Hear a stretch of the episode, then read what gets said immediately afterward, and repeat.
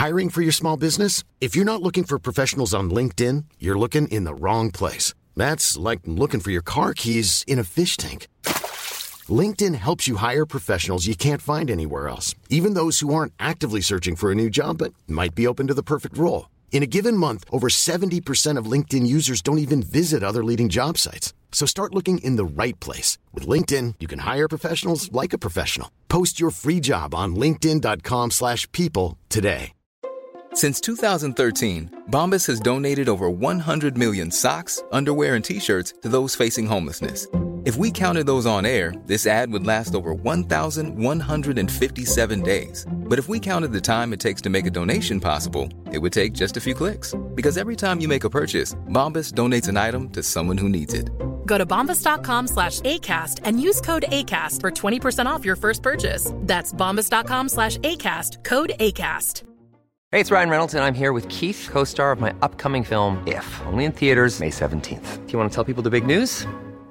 All right, I'll do. Sign up now and you'll get unlimited for $15 a month in six months of Paramount Plus Essential Plan on us. Mintmobile.com slash switch. Upfront payment of $45 equivalent to $15 per month. Unlimited over 40 gigabytes per month. Face lower speeds. Videos at 480p. Active Mint customers by 531.24 get six months of Paramount Plus Essential Plan. Auto renews after six months. Offer ends May 31st, 2024. Separate Paramount Plus registration required. Terms and conditions apply if rated PG.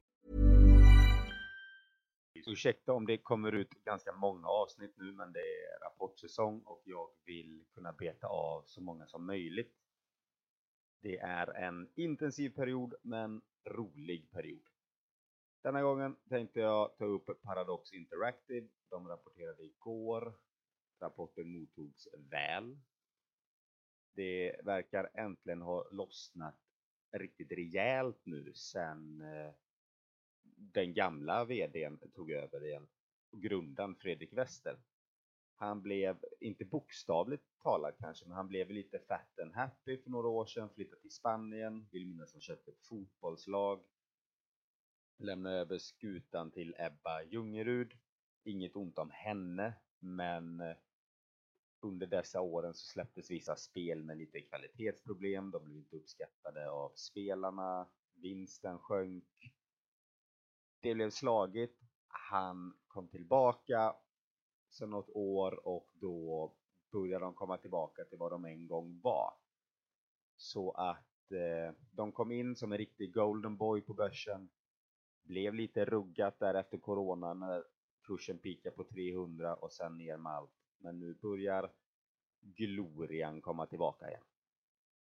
Så jag tänkte gå på inte djupet kanske, men tråla lite längs botten på detta bolag. Paradox Interactive.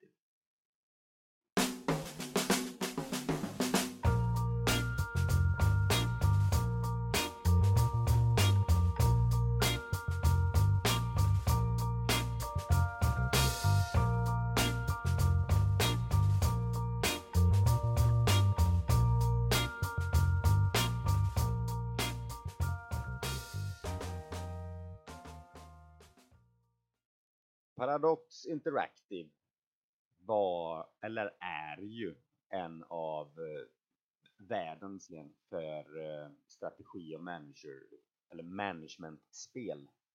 De är primärt riktade mot PC, men det finns även på konsol. Då jag själv spelar konsol så är jag lite besviken över utbudet för att det är ett fåtal spel som kommer ut till det och alla DLCs DLC är eh, expansioner kan man säga. De, lite nya banor, lite nya gubbar eller uppdrag och sådär släpps allt eftersom. Det tar väldigt lång tid för det att komma till konsol. Men PC så löper det ju på kontinuerligt.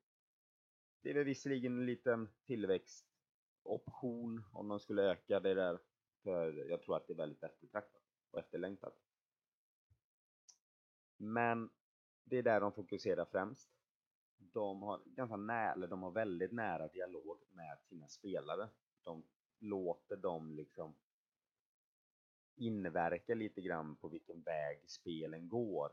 De har en nära dialog med dem hela tiden. De brukar kalla liksom sina spelare fans mer eller mindre. Utan de flesta spelare köper varje spel så att de har en återkommande kundbas på något sätt fastän de ändå inte är abonnenter.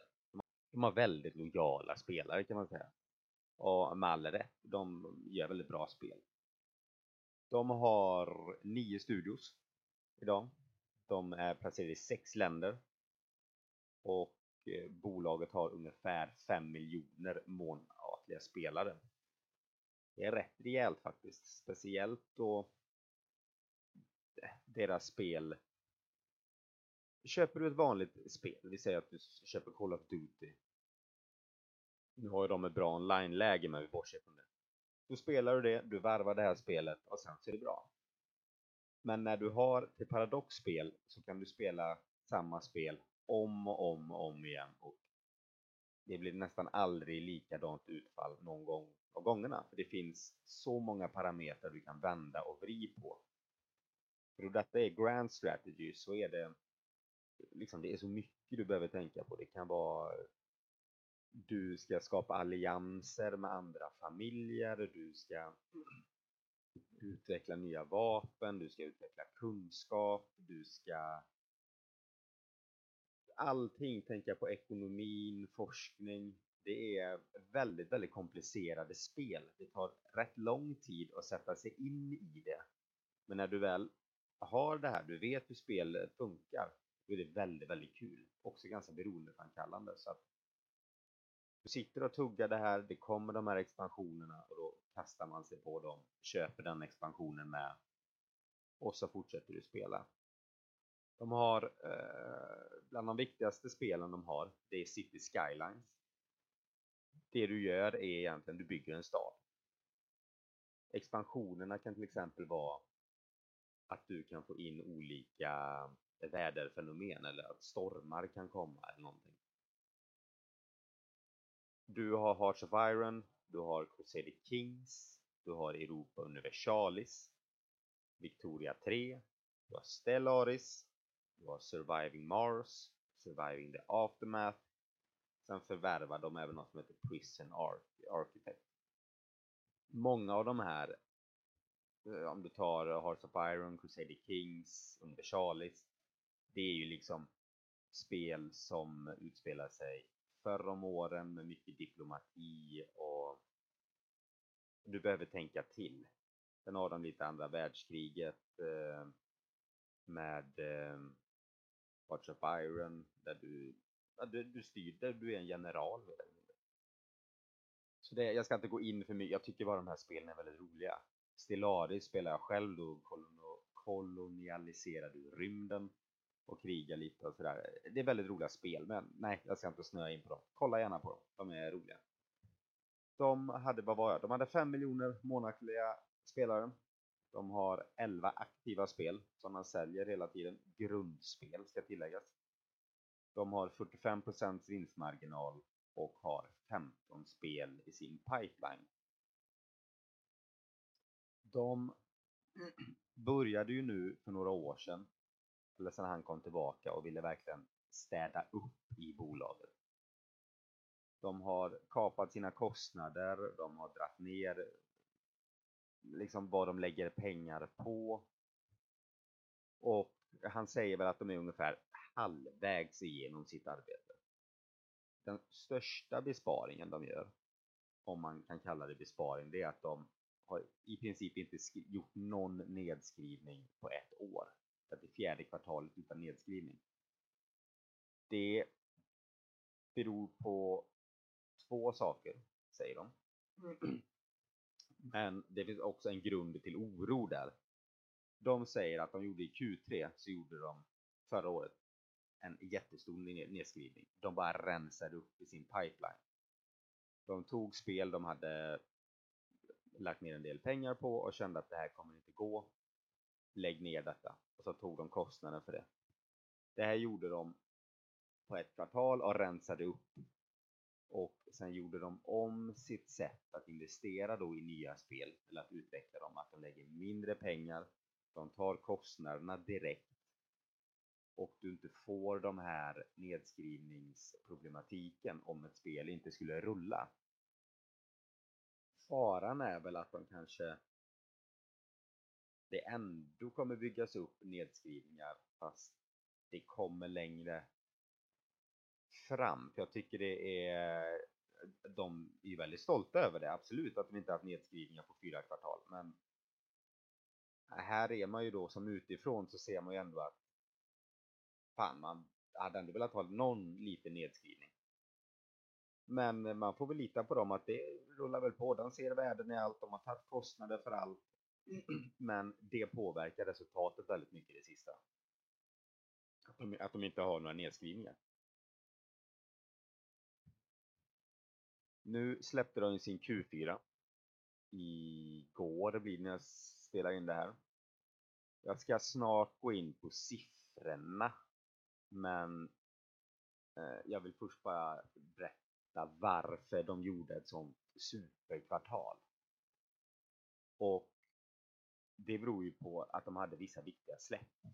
De eh, släppte bland annat Victoria 3.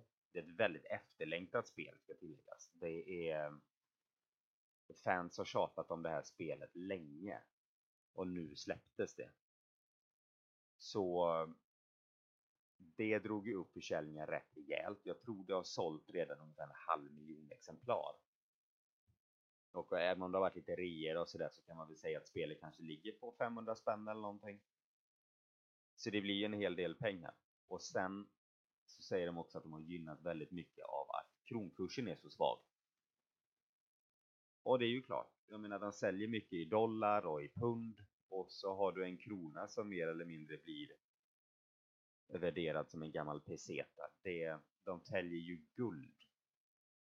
Å andra sidan funkar det ju samma sak åt andra hållet sen. Om kronan skulle stärkas, ja då gör de ju per automatik då mindre vinst om man säger så.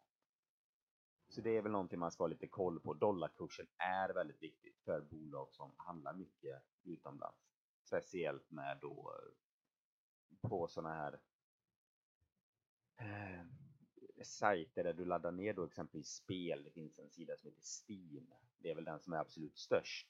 Vill man ha lite koll på Paradox så ska man gå in och kolla lite grann på Steam då och då. Där kan du se placeringarna där deras spel ligger. Kan du få en uppskattning också på hur mycket eller hur lite den säljer eller hur, om nya släpp mottas väl av spelarna. Sen har du också Across the Abyss. Rätt in på Early Access. Early Access är de släpper ett spel.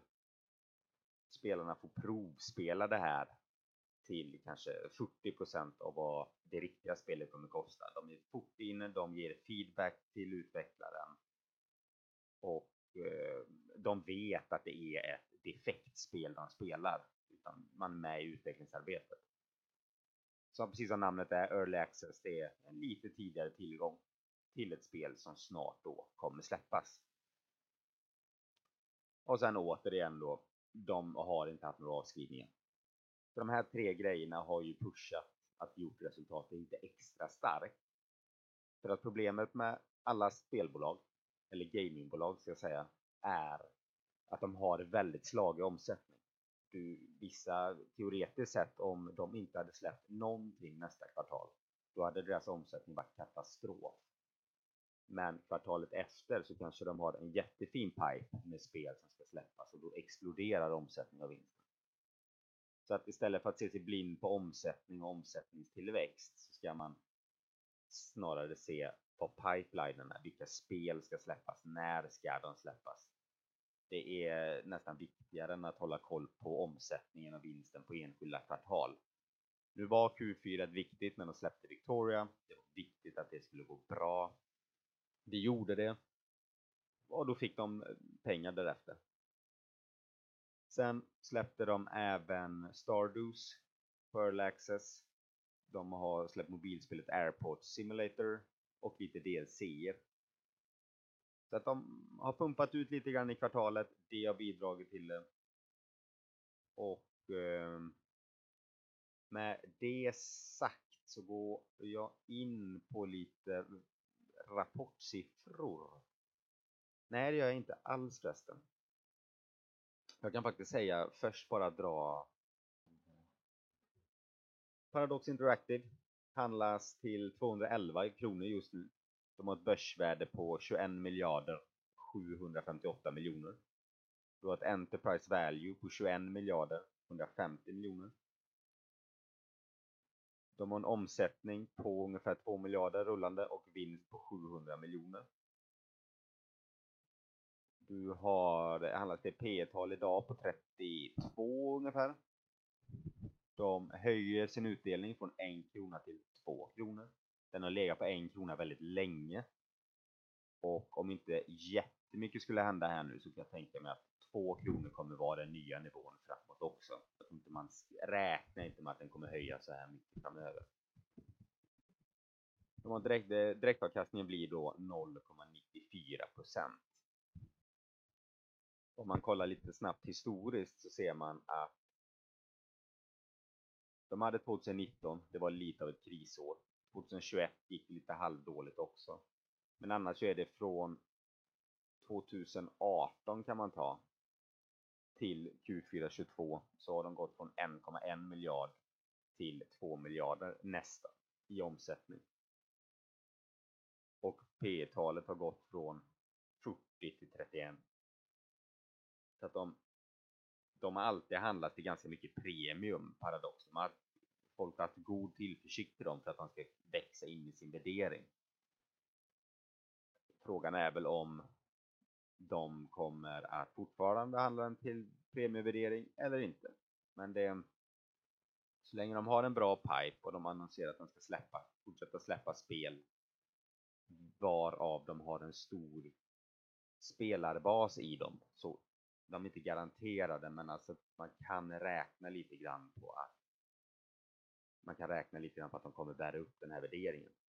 Går vi in på i rapporten nu då så uppgick omsättningen till 580 miljoner i kvartalet, 390 förra kvartalet. Rörelseresultatet 244 miljoner. Kassaflöde uppgick till 344 miljoner. Och de har i kassan 750 miljoner kronor. Resultatet per aktie uppgick till 1,84 kronor. Intäkterna eh, för kvartalet bidrogs mest av City Skylines, Crusader Kings 3, Hearts of Iron och Stellaris och Victoria 3. Victoria 3 var ju det som släpptes, men sen släppte de ju även Airport Simulator, Stardews på, som Early Access och eh, Airport Simulator på mobilen. Och sen så har de släppt lite annat och DLC och så som spelarna kan få ladda ner. Så in, intäkterna i Paradox, det är ju ganska lätt att bara inse vad det är. Det, är. det är sålda spel. Det är det det är. Kostnaderna däremot kan vara lite, inte röriga, men de är lite mer intressanta att se vad de är. Du har administrativa kostnader. De uppgick till 22 miljoner. Det är det är inte så mycket i sammanhanget. Det är administrationen och liksom overheadkostnaderna. Nu har du försäljningskostnaderna. De uppgick till 45,2 miljoner kronor. Och det är här de försöker jobba lite grann på att effektivisera det här. De har dratt ner eh, marknadsorganisationen lite grann. Men sen så har det slår ju också om du ska släppa spel eller inte. Men det är här en stor del av de här förändringsarbetet arbetas med och där har de fått ner det eh, jag tolkar det som att det är här han säger att de har fått ner ungefär med 50 procent. Och sen på kostnad sålda varor, det är den största kostnadsposten. Det är de här tre kostnadsposterna de har. Det ligger på 253 miljoner kronor. Och där är det spelutvecklingen, det är utvecklingsstöd, det är driften av spelen, underhåll, kostnader för licenser, du har varumärken, du har royalties till olika utvecklingsstudios, och liksom alla kostnader du har till ditt spel. Det här går ju inte att påverka jättemycket heller. Det är väl vissa förhandlingar givetvis vad man kan få för licens och sådär men det är det är ändå kostnader som ligger där.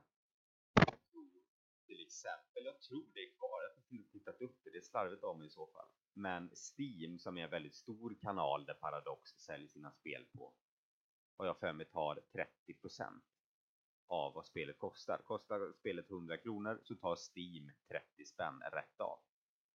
Jag tror inte det har sänkts, men det kan ni gärna kolla upp det. Men där finns ju direkt en grej att om det kommer mer konkurrens på marknaden så kanske man kan förhandla att deras cut blir mindre eller att de generellt sänker precis som Google har gjort på apparna. Apple tar fortfarande 30% medan Google har sänkt till 15% om du innehåller eller är inom vissa ramar då i, i omsättning. Så att det finns lite grann även på kostnadssidan, men den är ju det är ju lite värre där. Det kostar ju att göra spel, så är det Om man lägger lite fria kommentarer över rapporten och bolaget i stort så är det nu börjar han få tillbaka sin gamla stämpel. Det är ett kvalitetsbolag. De har byggt upp en spelarskara som är jättelojal, som älskar deras spel, som nä nästan alltid köper allt de gör. Så att det du behöver göra är att hela tiden göra de här nöjda. Och grundidén de har, det är att de gör ett spel. Vi säger att de gör Stellaris. De säljer ut det här till en halv miljon, en miljon spelare. Och någon gång i halvåret kanske så släpper de en DLC. Alltså i tillägg till grundspelet. DLCerna kan kosta 100 kronor, de kan kosta 300-400 kronor. Så att det är nästan så att du släpper ett nytt spel. Och det här är väldigt, väldigt lönsamt. Där är dock en fin gräns balansera lite grann, att du vill inte släppa för mycket, du vill inte prissätta det för mycket, för du vill inte känna att spelaren ska känna sig utnyttjad. Och jag tycker att de ligger ganska fint i det här, alltså de sköter det bra. Det är också en tacksam, tacksamt område att släppa DLC i när det kommer till strategispel. För att det är väldigt kul. Till slut så behärskar du väldigt många parametrar. Och det är kul att ta in ytterligare en parameter in i spelet så att du får ett ytterligare djup på det. Sen deras styrka är att de har, också svaghet ska tilläggas, men styrka är att de har fokuserat väldigt mycket på PC, dator. Urstarka där och har en jättefin liksom marknadsandel och har sina anhängare men och tjäna bra pengar på det uppenbarligen.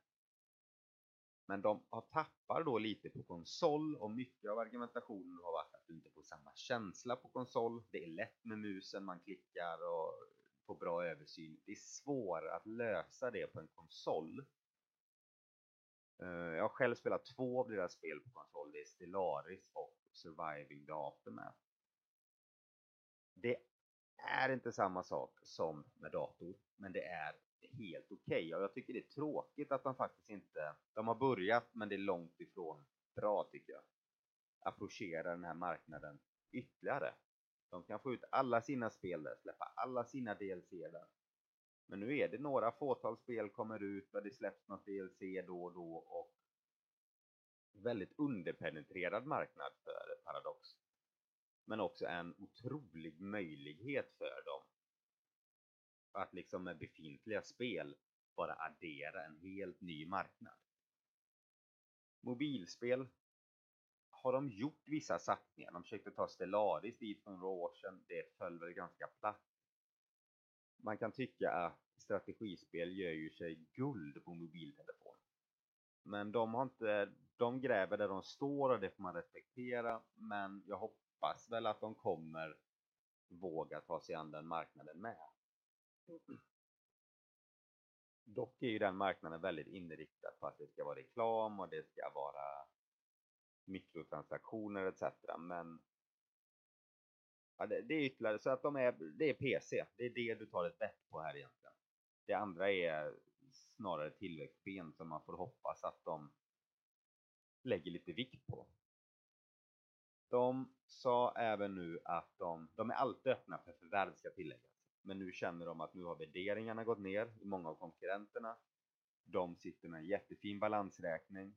De har inte gått in i det här förvärvsracet som var väldigt enkelt att göra för några år sedan när massa bolag skulle helt plötsligt bli förvärvsbolag som eh, Embracer. Och många bolag köpte på sig mycket skit och det straffas de för idag. För vissa har det gått bättre, men Paradox gjorde ingenting av det där. De stod liksom vid sidan av. Likadant som Mag Interactive, det är ett mobilspelsbolag. De gick heller inte in i det här och förvärva och förvärva, utan de har växt på sitt, det de har, och vilket innebär att de har ganska trygga finanser. Det går liksom ingen nöd på dem. Men nu sa Fredrik Wester att de kan vara beredda att ladda bössan om de hittar ett företag eller spelbolag då som matchar dem och som kan vara inom det spektrumet de härjar i. Och samtidigt som du har den här balansräkningen nu, som jag var inne på innan, så förbättrar de hela tiden. De är ungefär halvvägs igenom förbättringsarbetet. De hade exempelvis förra året 2021 721 anställda vid årets slut. Nu hade de 656 anställda. Så att de har gjort sig av med lite överflödig personal om man kan säga så och eh, trimmar organisationen. De är nog tillbaka dit de en gång var. De har balanserade utgifter för utvecklingsarbeten på 1 miljard 650 miljoner. Balanserade utgifter är ju att de detta är någonting de tänker att de ska ta in, få in liksom av eh, när de här spelen släpps så att det blir som ett nollsummespel. Det är ju här avskrivningarna kommer sen. Om ett spel inte skulle lyckas dra in de pengarna de planerat för, då är det från den här summan man får dra bort det. Annars så tycker jag bolaget ser väldigt solitt ut ekonomiskt. De är som han säger, de är redo för att göra nya förvärv de är redo att fortsätta bara precis som de gör.